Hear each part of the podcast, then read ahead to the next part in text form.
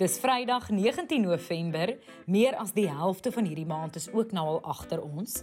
Maar voor jy eers aan maandeinde kan begin dink, wil ek jou net gou op hoogte bring van hierdie week se belangrikste nuusgebeure. Hier in jou weeklikse nuus met Spiespot sending, 'n bondige nuusoorseig met my, Mia Spies. In 'n netedop is beerdkrag weer hierdie week ingestel. Die repo koers het die eerste keer in 3 jaar gestyg. Die kortlys is bekend gemaak vir die amp van hoofregter. Kaapstad se jongste burgemeester nog is ingesweer. Afriforum sê hulle sal hof toe gaan om die aandklokreël te beëindig. Rassie Erasmus is skuldig bevind na die videosage en die sanger Teens Jordaan verloor sy kankerstryd. Net voor ons begin, onthou jy kan elke week hierdie podcast in jou WhatsApp inbox kry. Druk net op die skakel in die plasing hierbo.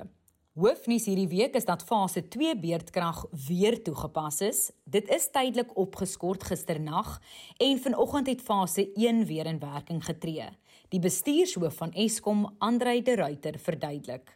Uh again, our apologies for that, but we have a challenge with our uh, remaining emergency reserves forecasting.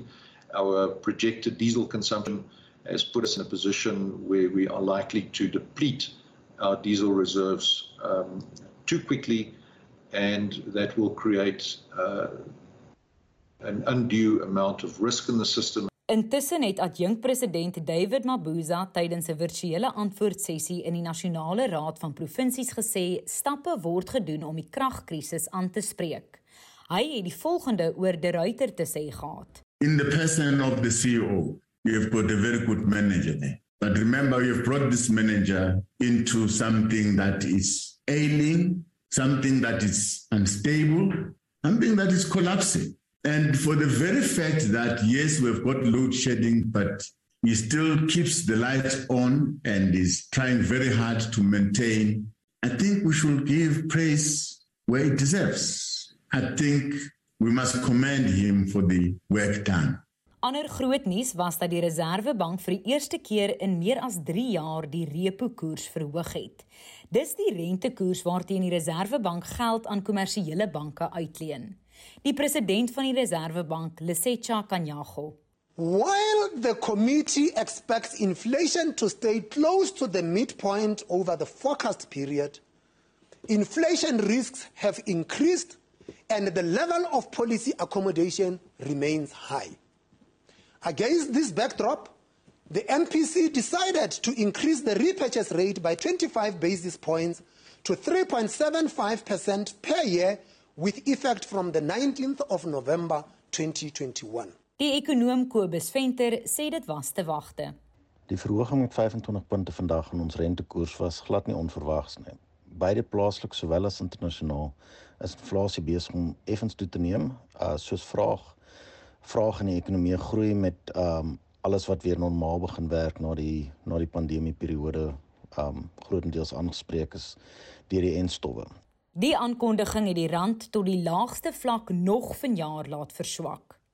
Dan het president Cyril Ramaphosa 'n lys van moontlike kandidaate vir die vakante pos van hoofregter aan die regterlike dienskommissie voorgelê.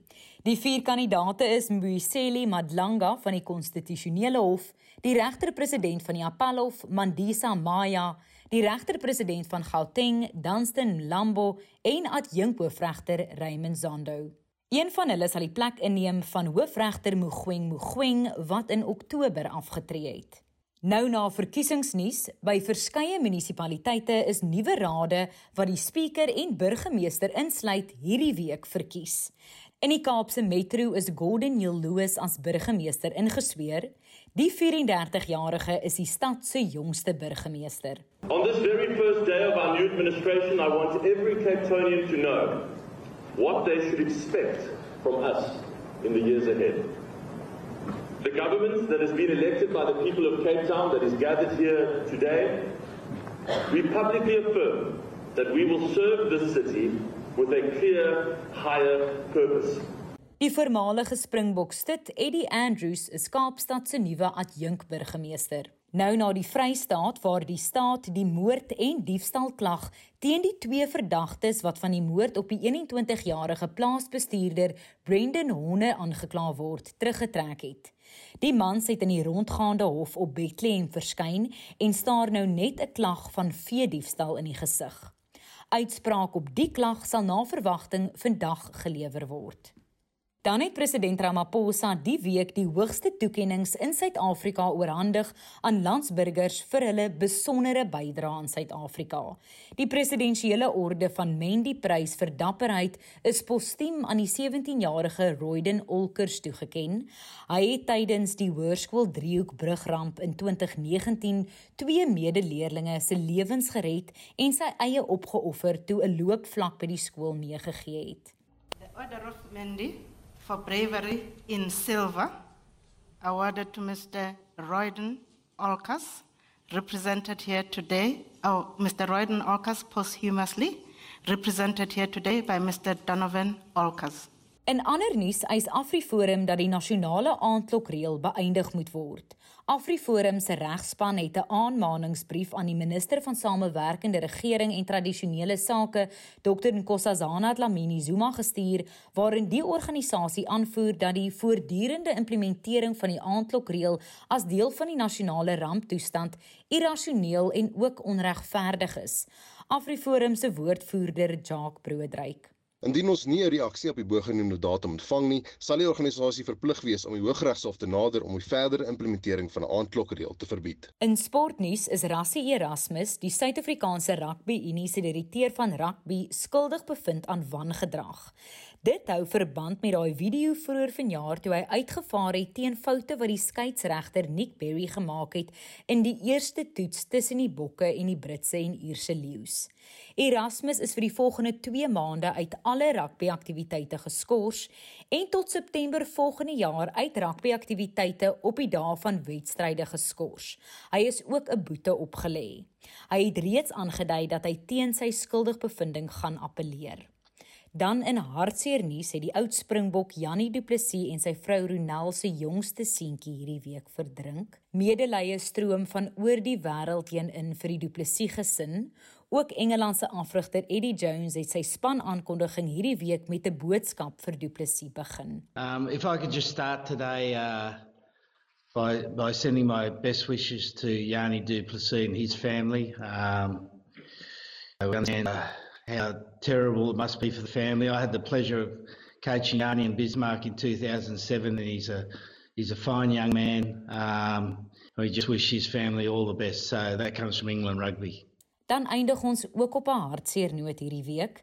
Die sanger en liedjie-skrywer Teens Jordaan is Woensdag in die ouderdom van 50 oorlede nadat kanker verlede September by hom gediagnoseer is. Verskeie sangers het hulde aan hom gebring, onder meer Brendan Piper wat tydens Stormweer hierdie week teen se treffer soos bloed gesing het. Soos bloed. Soos jy vir my. Soos my. So ken jy vir my. Soos asem vloei jy dwars deur my. Soos tyd. So vlieg alles verby Nou dat jy op hoogte van sake is, is jy reg vir naweek hou. Nuus met Spies is 'n produksie in samewerking met die Potgooi Produksiehuis Volume. Ons vervaardigers is Roland Perolt, Andy Sewe May en Kairen Blau en ons skenwysie is deur Curtis Kul gekomponeer. Tot volgende Vrydag wanneer ons weer gesels. Mooi bly.